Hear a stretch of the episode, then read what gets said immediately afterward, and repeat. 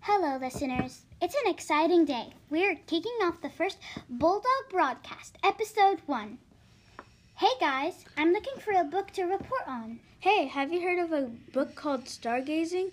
It would be perfect. Actually, yeah, I just finished it.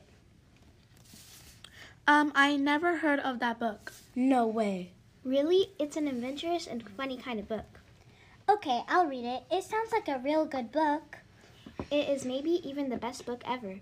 Stargazing is about a girl who moved into the city and she's awfully different. And rumor says she beat someone up, secret, secretly in her body though. She had cancer. Luckily, she met a friend and she helped through the way. Wow, okay, now I'm convinced. But where can I find it?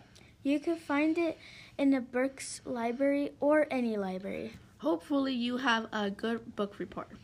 Yep, and so far, what I'm hearing, it'll be a good book report. Three days later. Hey, you were right. Stargazing is amazing. Yeah, I know. What's your favorite character?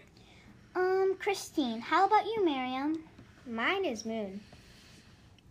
I still didn't did not read it.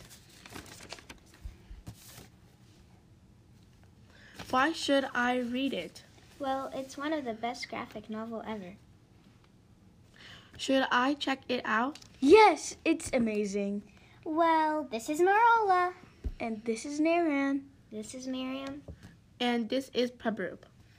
Don't forget to listen to our next broadcast and check out the stargazing in the Burke's Library. And Mm. that's all we have for the Bulldog broadcast today. Signing off.